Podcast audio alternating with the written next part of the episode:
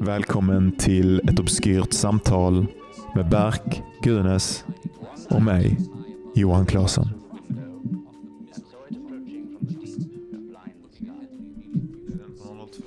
Hej och välkomna till dagens avsnitt av ett obskyrt samtal. Ehm, är det ett obskyrt samtal eller obskyrt samtal? Det kanske är obskyrt samtal. Ja. Fan. Det Okej, spelar ingen roll. det spelar faktiskt det ingen roll. Det är Ja. ett obskyrt samtal det är vad också. fan jag vill och du Men vill det är inte ett så obskyrt samtal idag. Nej, det är ju inte det. Eh, vi pratar om, eh, det blir eh, mycket skrivande. Ja. Ja. Eh, vi började med att prata om, eh, om eh, lite träningsgrejer och sådär. Men det gick Mhm. snabbt över i skrivande och det kändes som att vi behövde avhandla Ja, lite precis. någon slags, Precis. någonting där vi var. Ja. Så det handlar om eh, eh, ja, jag vet inte, bara diverse problem och eh, tvekan och varför man gör det och sådär. Vi har eh, Mm. varit igenom det förut. Mm. Men eh, ja, Och i slutet så läser Johan någonting ur sin egen text. i slutet läser jag en liten bit text så att eh, lyssna och häng kvar tills dess. Exakt. Tack så mycket för att ni lyssnar på, eh, vi säger nog ett obskyrt samtal ofta. Det känns Ja, som att det också låg i min... eh, Det är vad det är. Ja. Ehm, trevlig lyssning. Tack. Hej. Tack.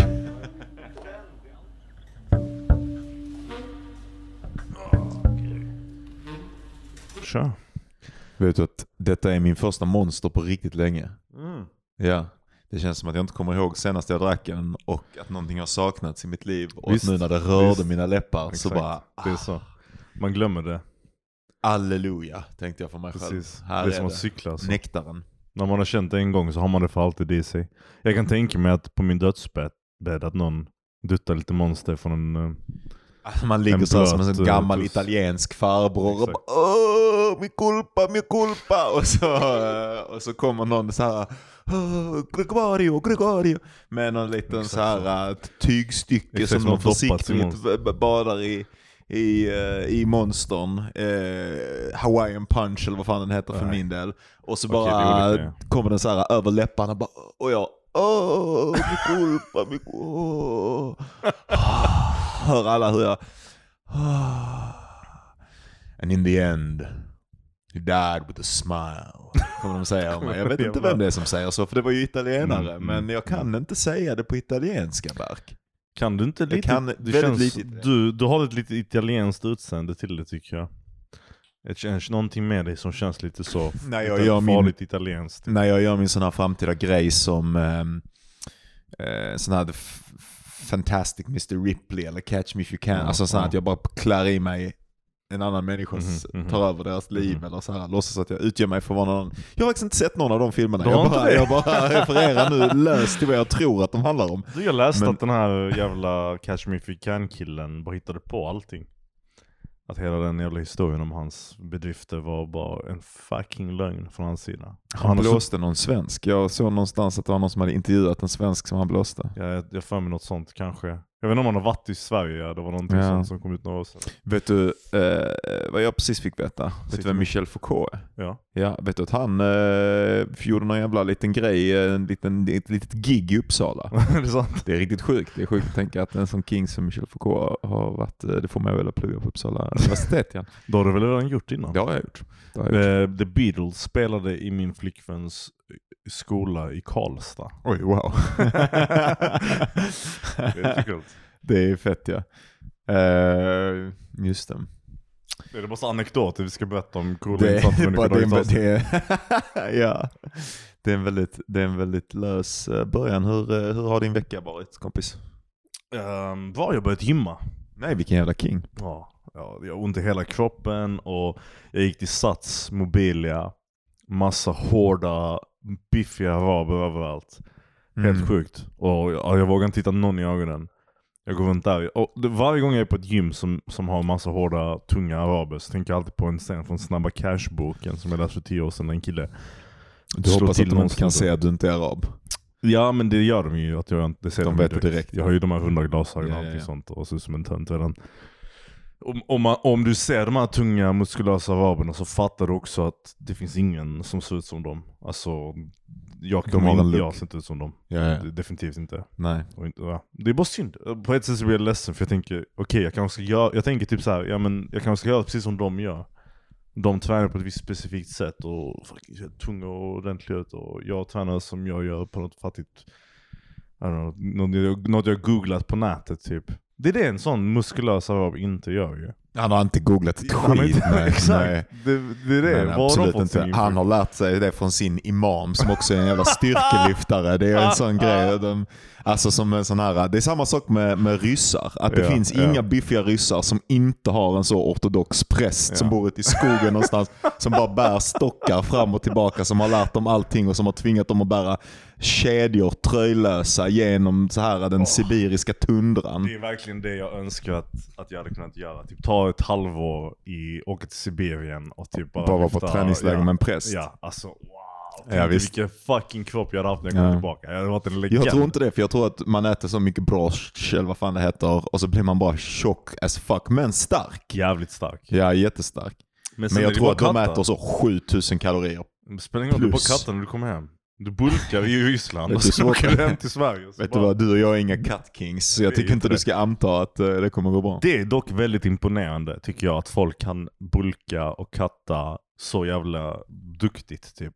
Ja, jag tror inte att det är så svårt om man aldrig har varit... eh, Det finns, det är problemet är om man har varit överviktig så finns det ju liksom studier som indikerar att det är typ ingen som kommer ur det. Jävlar. Alltså det är, det är skitlite människor som faktiskt får rätt på det på en mer än femårsperiod. Liksom. Så är vi bara dömda att vara tjockisar. Nej, man kan ju bita det odds. Jag tycker att det är samma sak med om vi vill, att vi vill bli författare. Att den Mm, absoluta eh, flertalet lyckas ju inte. Så är det väl med allting som är liksom lite så här drömmigt eller som man jobbar hårt för. Att, Tror du det är för att folk ger upp till slut? Eller för att det finns vissa människor som bara har talang? Jag tror, jag, och- det, alltså det är ju riktigt jobbigt att hålla på om man kämpar med det.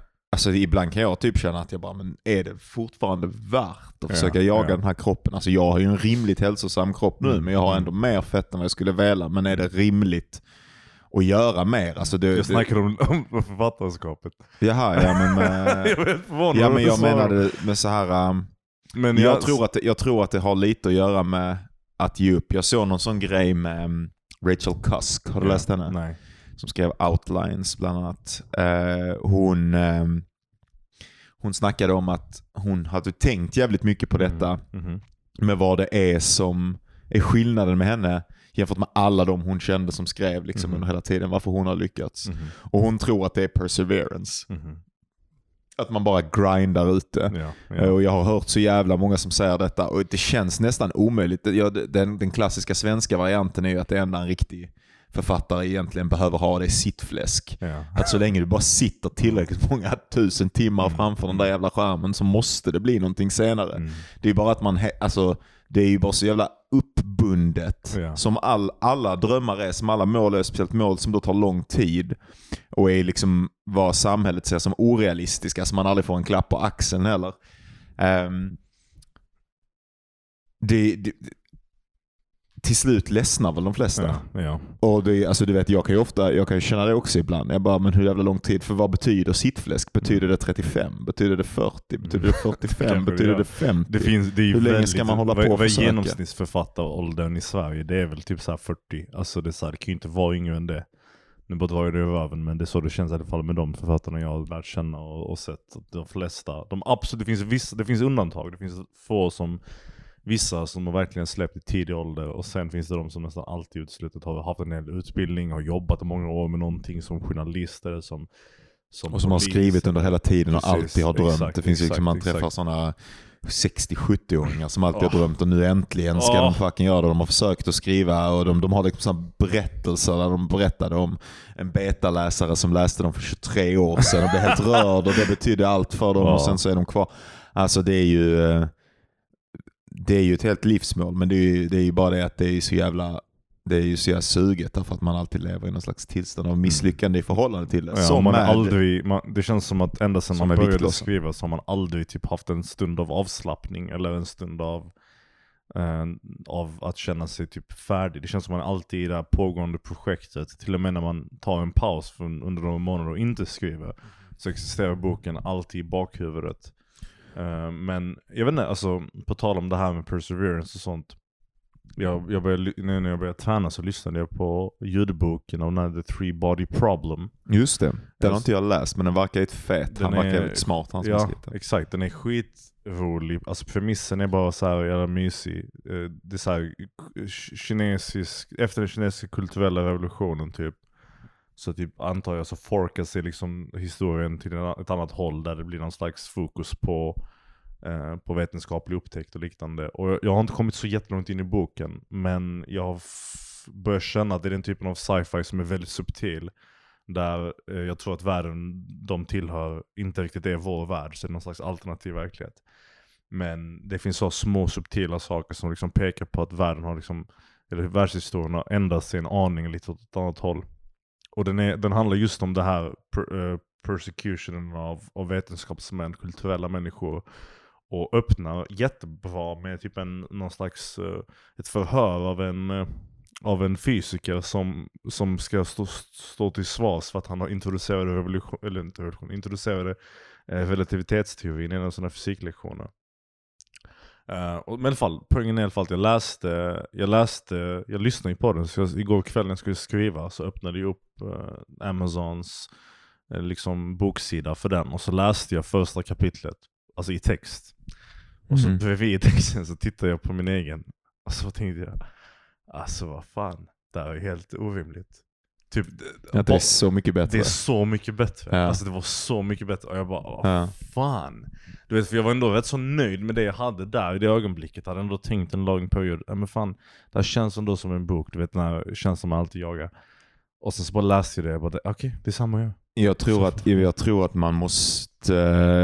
Det här är en sån grej vi pratade om när jag satt på krogen med några vänner för ett tag sedan där de hade andra konstnärliga projekt och så. Vi pratade om självtvekan och sånt. Jag tycker att jag börjar lära mig och fatta mer och mer att, ehm, att den berättelsen, att, man är helt inkapabel att bedöma kvaliteten på sin egen text. Ja, ja. Alltså att, att man bara måste jaga någon sorts känsla, få den känslan att se bra nog ut och sen bara testa den med andra. Ja. Alltså så, typ den här texten som jag skrev klar nyligen, som ju för övrigt var så jävla skön att skriva klar för att den var ehm, eh, Därför att det var en kort berättelse Mm. och, och, och, och, och, och, sådär som jag pratade om här någon gång i podden innan jag skrev en skräckberättelse till en kompis. Och sen så passade jag också på att lämna in den till Mm. min eh, handledare på författarskolan nu. Eh, och, och när jag kom dit så var det redan, jag började typ göra ursäkter för den redan innan vi hade börjat. Mm. Typ såhär, ja, men de här grejerna tyckte jag inte blev så bra och det här funkar inte. Etc. etc. Och han bara, nej men det, var, alltså, det här var inte alls min Mm. upplevelse. Och bara, han bara, jag läste det med stor behållning och att det Mm. var, fan, det var spännande och jag var inne i den här, den här grejen. Och, Mm. Alltså genuin entusiasm Mm. liksom. Och han är ju ändå en, en renommerad svensk författare. Mm. Ehm, och sen så har jag ju själv gått igenom Alltså det är nästan som från dag till dag att jag bara säger men fuck det här är bra. Ja. Och sen läser jag samma text igen och jag bara nej det här är, ing- alltså, det här är ingenting. Ja. Och sen läser jag och att jag, att, att, att, att jag nästan försöker vara så jävla medveten om den här extrema variationen. Att det är verkligen bara självbedrägeri. Det, Att jag har det i mig att bedöma min egen text Men överhuvudtaget. Även om man vet det, hur fan ser man förbi det? Du vet, det är konstigt för att ibland är det som att jag försöker typ lura mig själv att läsa den från ett annat perspektiv. Typ. Men det är samma självbedrägeri, man kan inte göra det heller. Visst.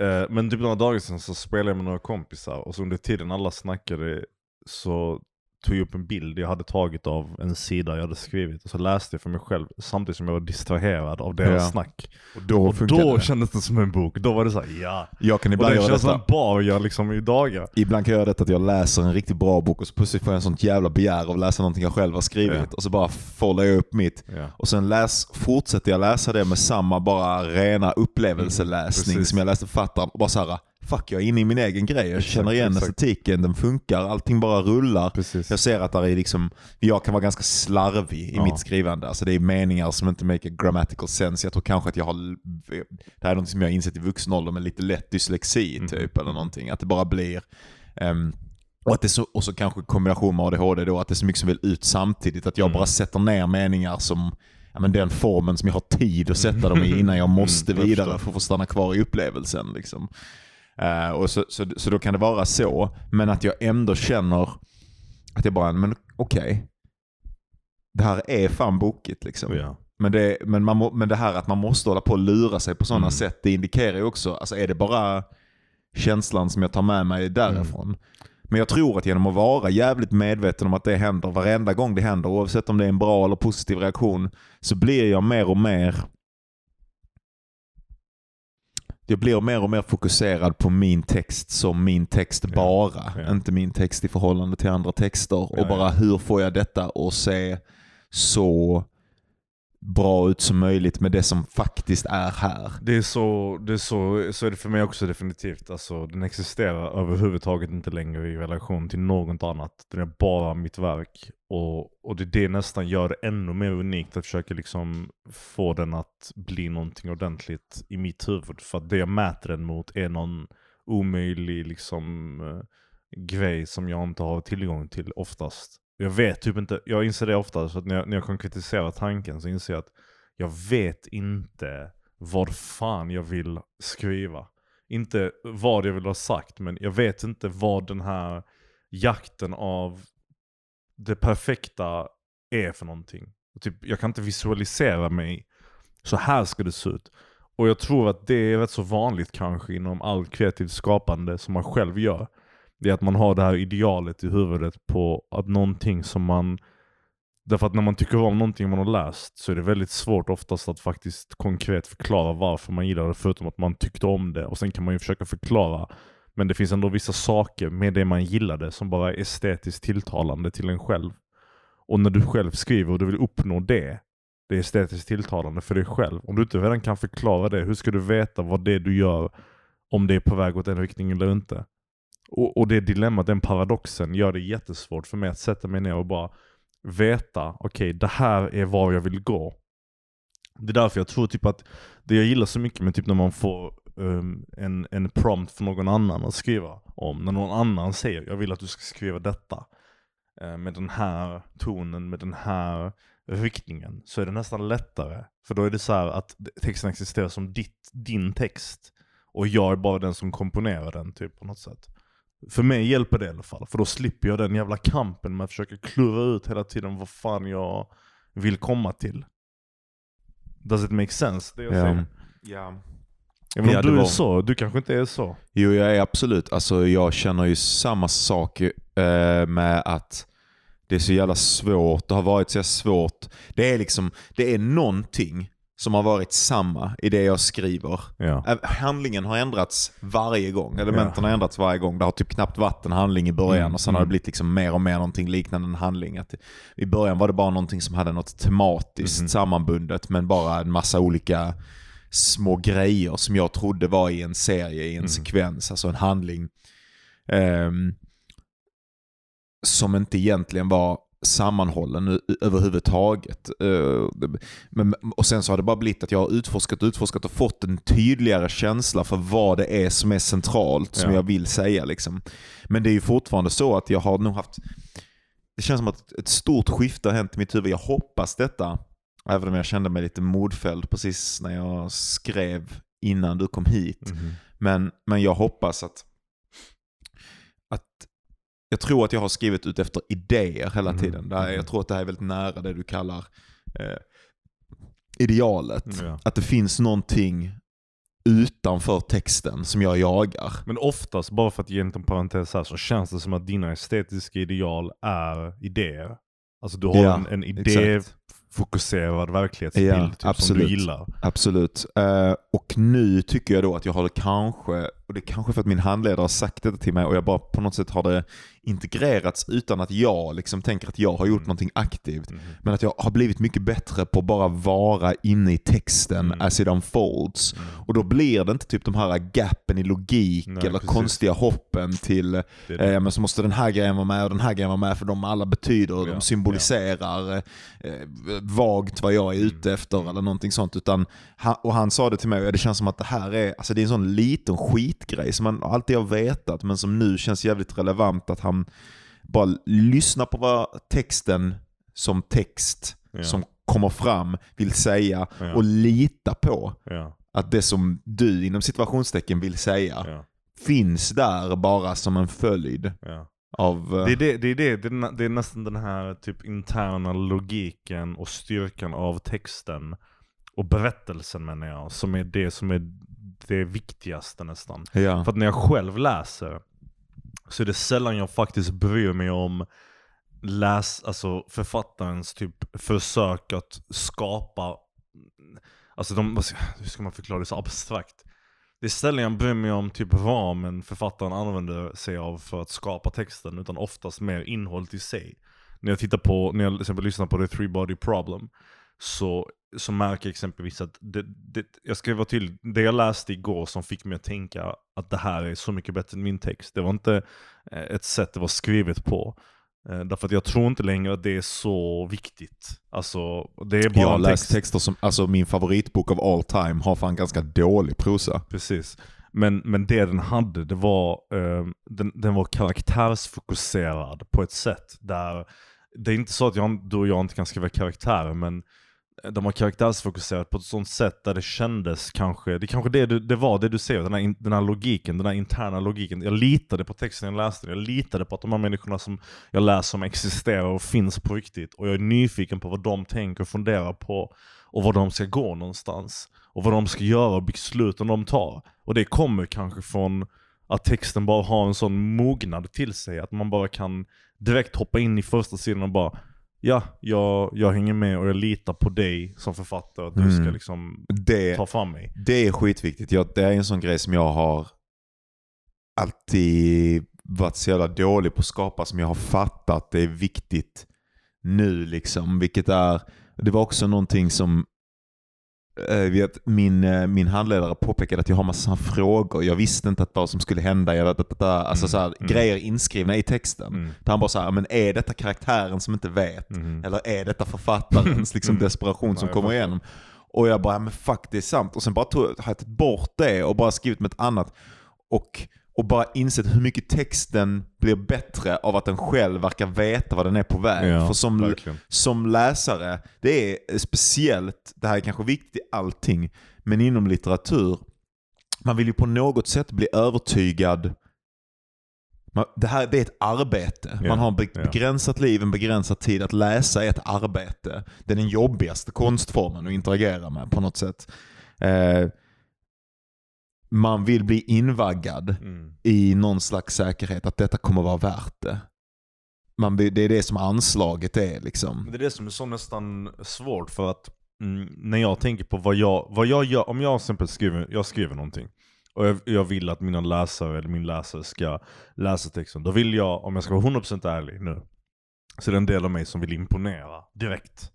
Jag vill ju att den som läser ska på första meningen, första paragrafen, första sidan tänka Wow, den här personen kan skriva, den här personen kan berätta en berättelse, den här personen... Men alla de tankarna är ju det som också motverkar texten Ja. från att faktiskt bli Exakt. den som de kan lita på. Det är, som, det, här är, det, är därför, det är så jävla nice med skrivande, vi har sagt det många gånger, men det är ett sånt jävla mikrokosm av livet i stort. Har du Ja. någonsin träffat en cool människa som vill vara riktigt cool? Ja, exakt. det det är jättebra, jättebra exempel. Det, det, precis, precis. Det är det ju inte. Men, men det, är bra, det, det är väldigt bra. Om man ska, om, ja, men vad som händer då är att typ så här, exempelvis att verkligen skriva en intressant och bra berättelse så är det nästan så att om man tänker på de böcker där man har läst och tyckt om så lullas man in i den, eh, genial, alltså det geniala som senare kommer. Det är ett långsamt uppbyggande Ja. av, av, av, av fullständig liksom alltså logisk consistency, tillit, ärlighet och, och tillit på det sättet att jag som läsare liksom vet att författaren kommer komma till den punkten jag vill att, eller jag hade kunnat tänka mig att de skulle kunna komma till. Eller tycka om när de är där, eller whatever. Och sen när jag väl kommer dit så kan jag kolla tillbaka på alla komponenter och efteråt tänka wow, okej det där som jag Ja. tidigare tyckte inte var så intressant, eller som jag inte brydde mig så mycket om, eller som jag inte tyckte var så väldigt imponerad av, är nu superimponerande. Jag tänker på till exempelvis hur, hur berättelser som, som Sopranos, jag satt och läste manusen till Sopranos avsnitt. Och bara tänkte på hur de är uppbyggda, och det är så fucking alltså, sjukt alltså. Det bara är alltså, så enkelt och så tråkigt och så basic och det bara funkar skitbra. Ja. Och så kulminerar det med någon jävla otrolig grej där allting annat innan är bara en del av ett pusselverk. Som man Jag, bara, jag och Ella håller på att se igenom Sopranos nu, det har inte jag sagt till dig. Det håller jag och Neffi också på. Ja, eh, men vi har inte sett den förut, ingen av oss. Vi är på säsong fyra.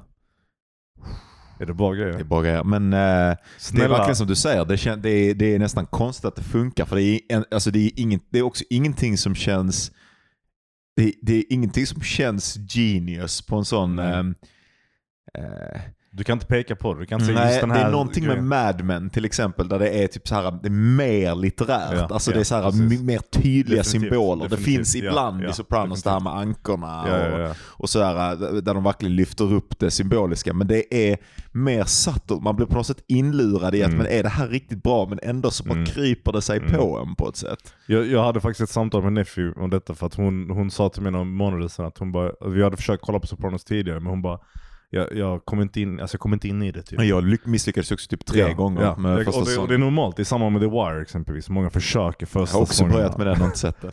Det är, det är synd för att den, den, den om någonting gör det jävligt bra.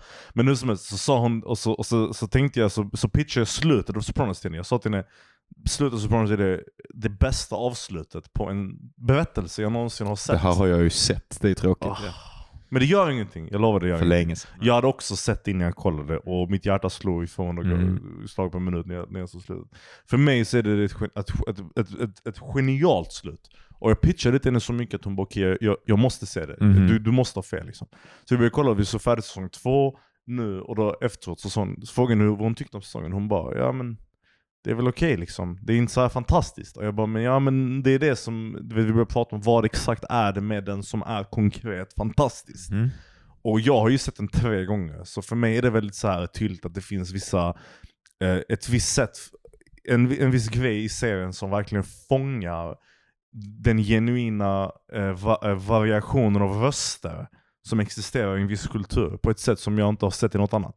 Det vill säga att det är manusförfattare som har berättat, det var en av sakerna som jag tycker är väldigt bra. Manusförfattarna har berättat röster som är, som är liksom den intellektuella italienska minoritetsgruppen eh, av Melfi och hennes familj som är så här italiensk, eh, eh, italienska andra generationens invandrare som också intellektuellt eh, du vet, har gått utbildningar och psykolog eller läkare och sådana saker som pratar och talar på ett visst sätt. den här psykologen Precis. som det är uppbyggt runt ett, ett psykologiskt samtal ganska Ja, mycket i ja, serien exakt. mellan en maffiaboss Ja. och en psykolog. Precis. Men hennes familj, rösten de använder för att prata, den är så genuin. Om du jämför den också med att samma manusförfattare har sen skrivit rösten som Tony Soprano och hans maffiagäng som är så här lågutbildade, de är inte alls utbildade, eh, våldsgalna gal, idioter liksom, hur de pratar och talar. Och sen samtidigt har du barnen som successivt växer upp i serien. När Meadow går till college och får den här college-rösten. Ett sätt att prata på som bara är så här. De har fångat exakt hur det är att vara en människa i olika socioekonomiska klasser, olika bakgrunder, olika eh, perioder i ens liv. Tony Sopranos mamma har ett sätt att prata på, eh, hennes vänner har ett sätt att prata på. Eh, Och sen individuella människor har ett sätt att prata på. Det är en sån väldigt abstrakt idé, men det är så eh, välgjort i mina ögon. Att när jag tittar på det så slår jag mig alltid av hur genuina och verkliga karaktärerna känns. Även om de samtidigt paradoxalt är typ nästan parodier av Ja, speciellt de, här maffia Ja, ja men, men, men det gör det nästan ännu bättre. Alltså jag kan inte, det, det, det, det, alltså det är så många saker med den som bara känns omöjliga att, att eh, de individuellt så är det så här, hur kan detta funka? Men tillsammans så bara blir det någon slags soppa av, av genius typ. Mhm. Men, eh, men eh, vad fan skulle jag säga? Ja, jag läste, ja.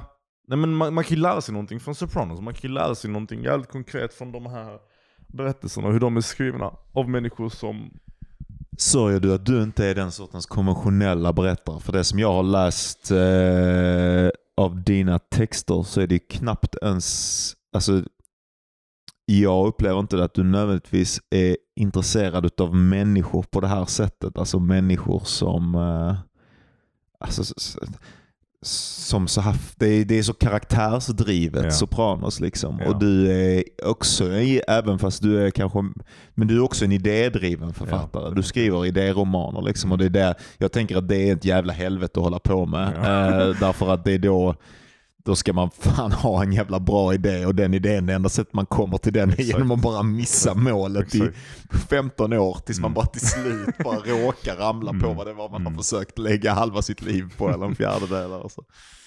Alltså det är ju, det är ju lite så, men jag, jag tror att, alltså jag är väldigt intresserad av individuell psykologisk realism. Alltså en persons totala värld. Och den kan vara abstrakt i berättandet. Men jag är inte bra på variationen av röster. Så som jag tycker exempelvis att Sopranos gör, eller andra böcker som hoppar mellan karaktärer. Ta Game of Thrones som ett exempel, boken då. Och hur den liksom utforskar olika psykologiska grunder och förutsättningar och människor, människors perspektiv, go- goda och onda, i samma bok typ. Nästan så att, visst det finns ju en, liksom ett sätt att skriva på i den som man kan känna igen i George R. R. Martins. Men ändå så är liksom karaktärerna så pass olika att det tillsammans bildar en, en uppfattning av världen som senare blir mer rik och mer intressant för att man har tillgång till alla de här människornas perspektiv. Och det är ju superimponerande. Mm. Jag önskar jag kunde göra det. För det är Mm. det som faktiskt typ är den lätta vägen som du sa själv till en genuin intressant berättelse. Kontra en idéroman som är bara så här. Du vet, ha, råka ha en bra idé och sen råka trilla genom ditt författande tills du når rätt. Och du kan faktiskt få den berättad på något sätt. Jag vet inte. Det är svårt. Det är jävligt svårt. Ibland tänker jag att det liksom är typ eh, att man måste vara lite, jag, jag, jag tror att författare är lite som trum, trumspelare, alltså trummisar.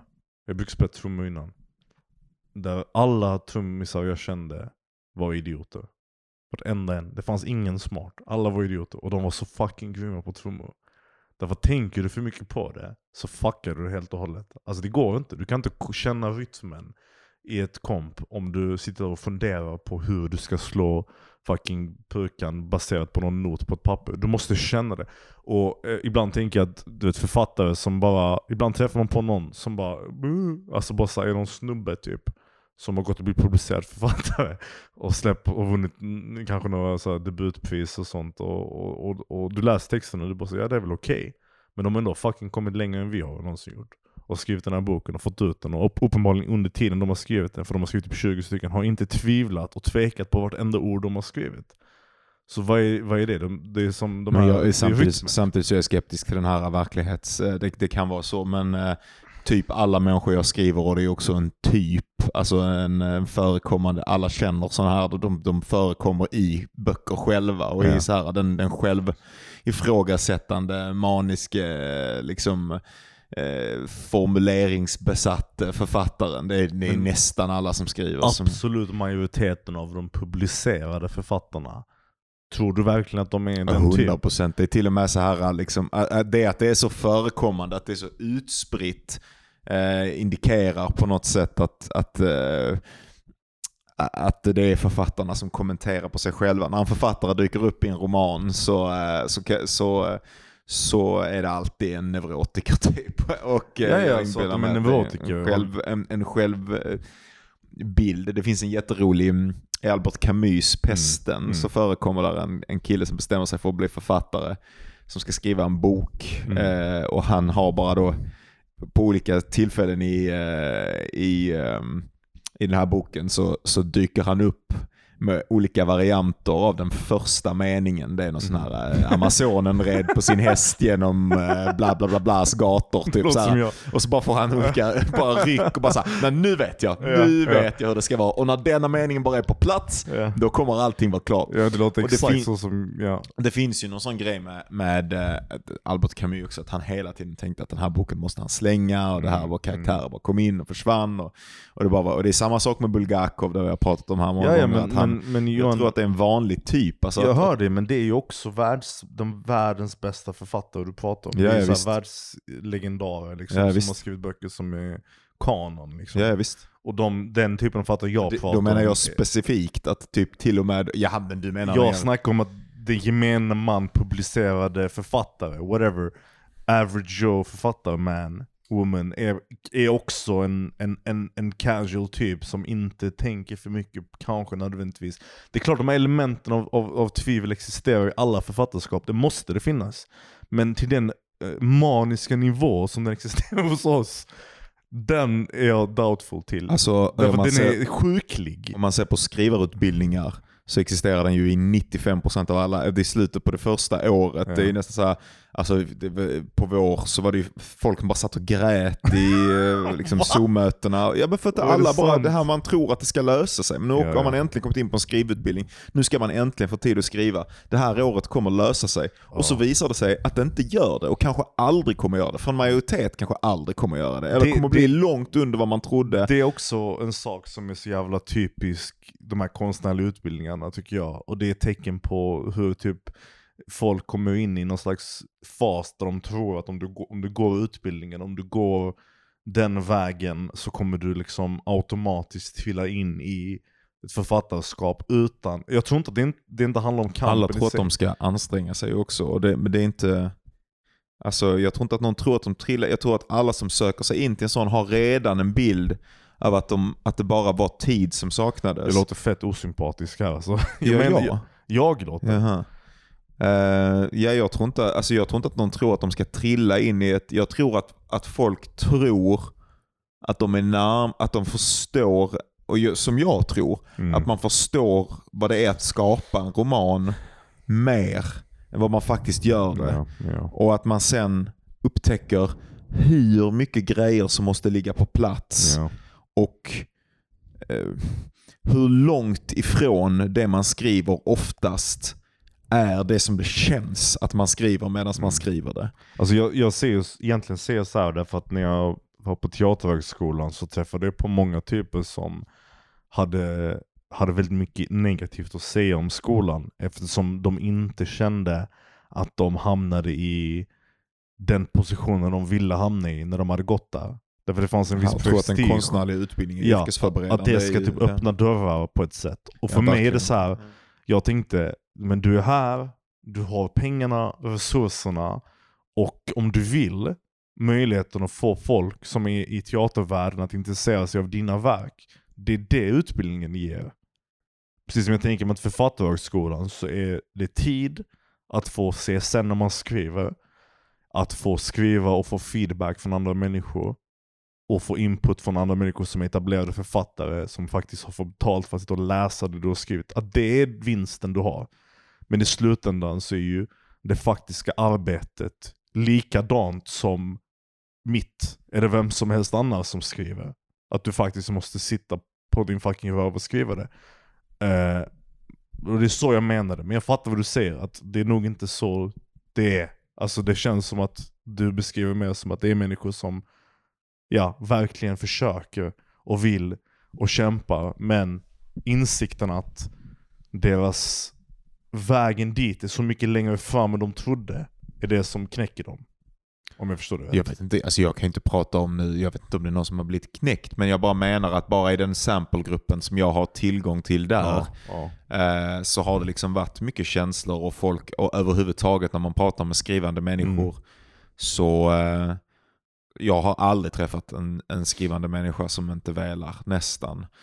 Eh, Men typ förstår- en har jag. Jag har en kompis som inte är, men näst, i princip alla andra Men velar först- precis som vi gör. Okej, okej. Inte mer, inte mer. Du är inte en större neurotiker än någon annan. Många är större neurotiker än vad du är. Ja, ja, jo, absolut. Absolut. Jag har bara svårt att tänka mig det. Och jag Ja. menar inte det som en positiv sak. För mig är det inte en positiv sak att vara en neurotiker som tvivlar på sin text. Utan det kommer bara från en punkt av hurt. Där det är så här, att det nästan har besegrat mitt intresse för skrivandet. För att jag har så många gånger hamnat i situationer när jag har skrivit och sen inte kunnat ens titta på texten jag har framför mig. Och, det är en, och, och inget av det är romantiserat, det är bara bult. Att jag tänker att jag önskar att jag kunde bara skita i och bara leva mig in i den världen och skriva. Och när jag ser att andra människor inte velar när de skriver, jag menar inte att de inte är, som jag sa, doubtful över sin text. Jag bara tror att det finns en viss nivå av hur mycket hat du kan ha för din text. Som kommer, kanske med erfarenhet, efter en tid när du har skrivit så länge att du fattar hur lite du faktiskt kan. Att du tittar på det och du tänker det här är inte ens halvvägs till var jag vill gå någonstans. Eh, och så var det inte i början när man skrev exempelvis. Du och jag minns säkert, du minns säkert när du började och jag började. Att man trodde att ens text hade ett visst värde och en viss, eh, att den var bra på ett visst sätt som man bara typ inte kunde se för att man inte visste hur långt det var kvar till att faktiskt skapa den typen av, av, av kompetent text som sen släpps. Men sanningen är ju att de människor som också har publicerat i Sverige, de människor som är etablerade författare, att deras texter är inte djupa, eh, alltid djupa eh, eh, djupdykningar i idé, idéer och koncept som är svår, svåra att, att, att begripa och svåra att, att utveckla och berätta om. Utan det är också berättelser som är bara helt vanliga. Kriminaldetektivhistorier om ett mord som har skett och, och det finns, Det är det du vill skriva egentligen? om jag vill skriva Har det. du, någon, du har någon, du har någon liksom önskan om att skriva det egentligen? Alltså inte eller? nödvändigtvis, det är bara att, att ha den fucking... Eh, jag vet inte, nej. Nej men då, för de är väl liksom upptagna av det. Det finns ju folk som älskar kriminaldramat liksom. ja, jag är är mest det. människa älskar ju den. Ja. Så det är Eh, jag, ja, jag vet inte. Man får ju på något sätt... Eh, jag tänker att den sortens... Det är därför det är så jävla luddigt att säga. Det är liksom som att prata om musiker. Det kanske är mer intressant att Mm. prata om någon slags genre och då är det... Och det är också förmätet att prata om konstnärliga författare men Mm. någonstans måste man kanske göra det om man då tänker att konstnärlig litteratur är på något sätt litteratur som, som är eh,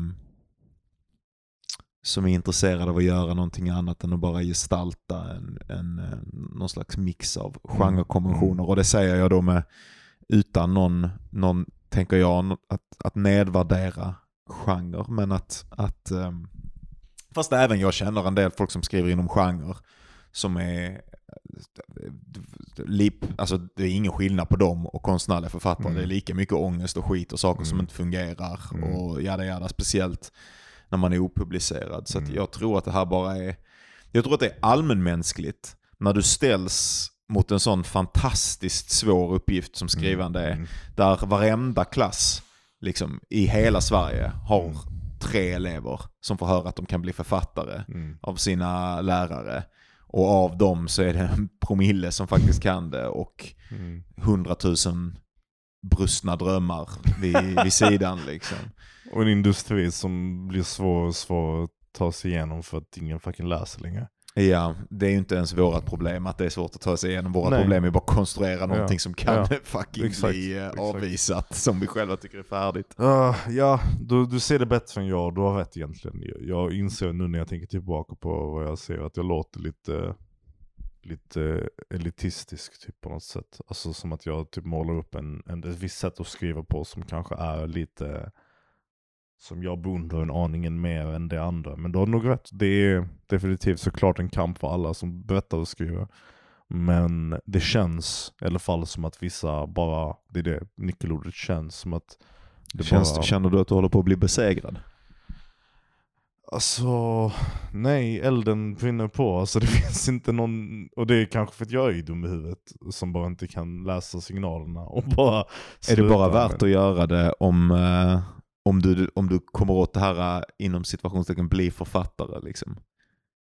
alltså, Var det ovärt att göra om du skrev och du försökte och du fick jobba med idéer på djupet och du fick leva på det här sättet? Nej, därför att för mig så just nu så är det en personlig strid mellan Berg som inte har avslutat och Berg som skulle vilja avsluta.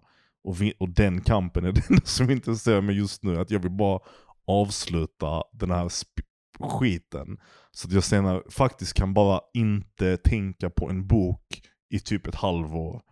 Och bara typ göra något annat. Typ fokusera på något annat. en, en, en liten tid. Eller, eller den omöjliga tanken av att avsluta och sen tänka hmm, vad kan jag göra nu för text? Vad kan jag komponera för annan typ av bok? Som inte har att göra med de här upprepande försöken att, att försöka berätta samma historia om och om igen. Som har pågått sedan ja, nästan tio år bak i tiden. Den känslan är nu för mig viktigare än att bli en etablerad fucking författare som whatever. Men, men, men det sagt så klart existerar det fortfarande den, den korta idén av att bli en sån liten, liten ehm, liten snubbe som åker runt i olika bokbutiker och, och håller små samtal med folk för gamla tanter. Det hade varit jävligt fett. Och kanske en, en bokmässa, en, eh, eh, ett seminarium där.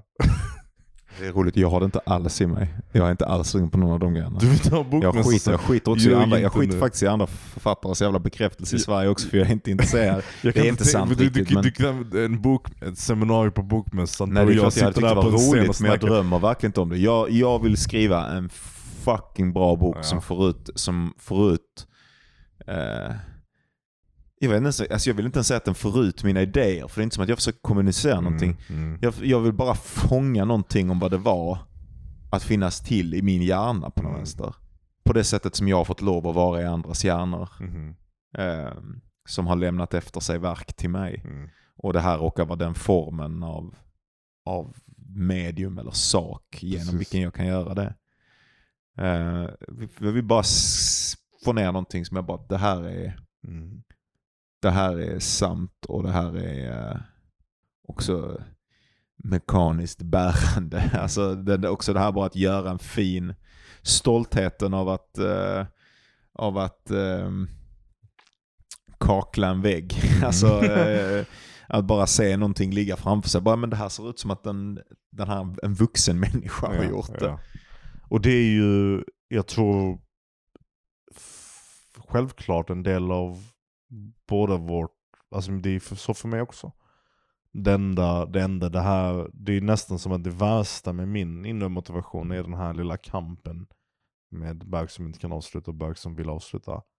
Mer än den här lilla viljan som vill bli, som vill åka till bokmässan liksom. Den lilla är väldigt avlägsen och jag bara, och, och jag ser nog det för att jag vill vara ärlig med att den existerar. Den här lilla kåta jäveln som vill liksom få lite cash. Fattar du? Ja, cash vill jag också. Lite, lite, lite money. Ja, det vill jag också. Jag vill ha, jag vill ha någon sorts eh, garant. Det är, nästan, det, vill jag nästan, det är faktiskt nästan min main att det skulle vara. Det är inte riktigt, men det, det som jag behöver mest i livet är Cash. bara någon liten indikator på att jag är på rätt spår. Ja, att det här, jag att jag inte kommer att att allting inte bara kommer att balla ur för att jag har gjort så här liksom. Hemlös Men eh, whatever, det löser sig. Jag, är fan, jag känner att jag snart är färdig med att fucking tveka på mig själv och bara Mm. skita i och bara bita ihop och bara mangla mig själv in i väggen. Alltså, för jag är så jävla trött på att sitta här i jävla Sverige, det är varmt i min lägenhet och jag har en hund och jag har en tjej och jag har allting. Och jag fucking gnäller, jag vill inte höra mitt eget jävla gnäll. Är jag- är så jävla trött på att höra min röst om detta och gå och sitta och våndas. Vad ska det bli av mig? Och det är ju också, ja, för det är så jävla töntigt. Det är ju det är också någon slags, det, är, det grundar sig bara på någon slags jävla insp, äh, in, integrerat klassförakt. Liksom. Ja. Att jag är... Att jag är så jävla rädd för att bara, jag får väl bli en jävla svenska lärare om allting skiter Ja. sig. Det, det är bara att jag har tänkt att jag ska bli någonting speciellt Ja. liksom, i Ja. mitt huvud. Eh, och, eh, men fuck it, det är speciellt nog att vara i mina texter som skrivande. Har du det inte är fan en hel Johan livsgrej. att folk som blir något speciellt blir något speciellt för att de har, de har kända föräldrar? Det är det enda som existerar. Jag, jag, jag skojar inte ens, det är exakt så det är. Ett tusen procent finns det inte någon jävel på den här planeten, fucking jorden, som har gått och blivit någonting om de inte antagligen har kända föräldrar eller känt släktskap. Det bara är så. Jag tror det, jag tror det är stenhårt med hela min själ att det är så. All, jag känner folk som, vart hela familjen är typ successful på olika fronter. Alltså jag känner en person vars syster är känd inom en, en grej, vars bror är känd inom något annat, vars pa- och såklart var gemensamt, båda föräldrarna etablerade. Den är etablerad författare, andra jobbar på TV. Men det, finns ju en massa, det finns en massa författare som inte har något jävla... Jag, jag tror inte det är sant. Va- Fucking det är en lögn. Jag vägrar, jag vägrar. Se en. Se en. Just nu bara, bara för jag är i huvudet Kafka.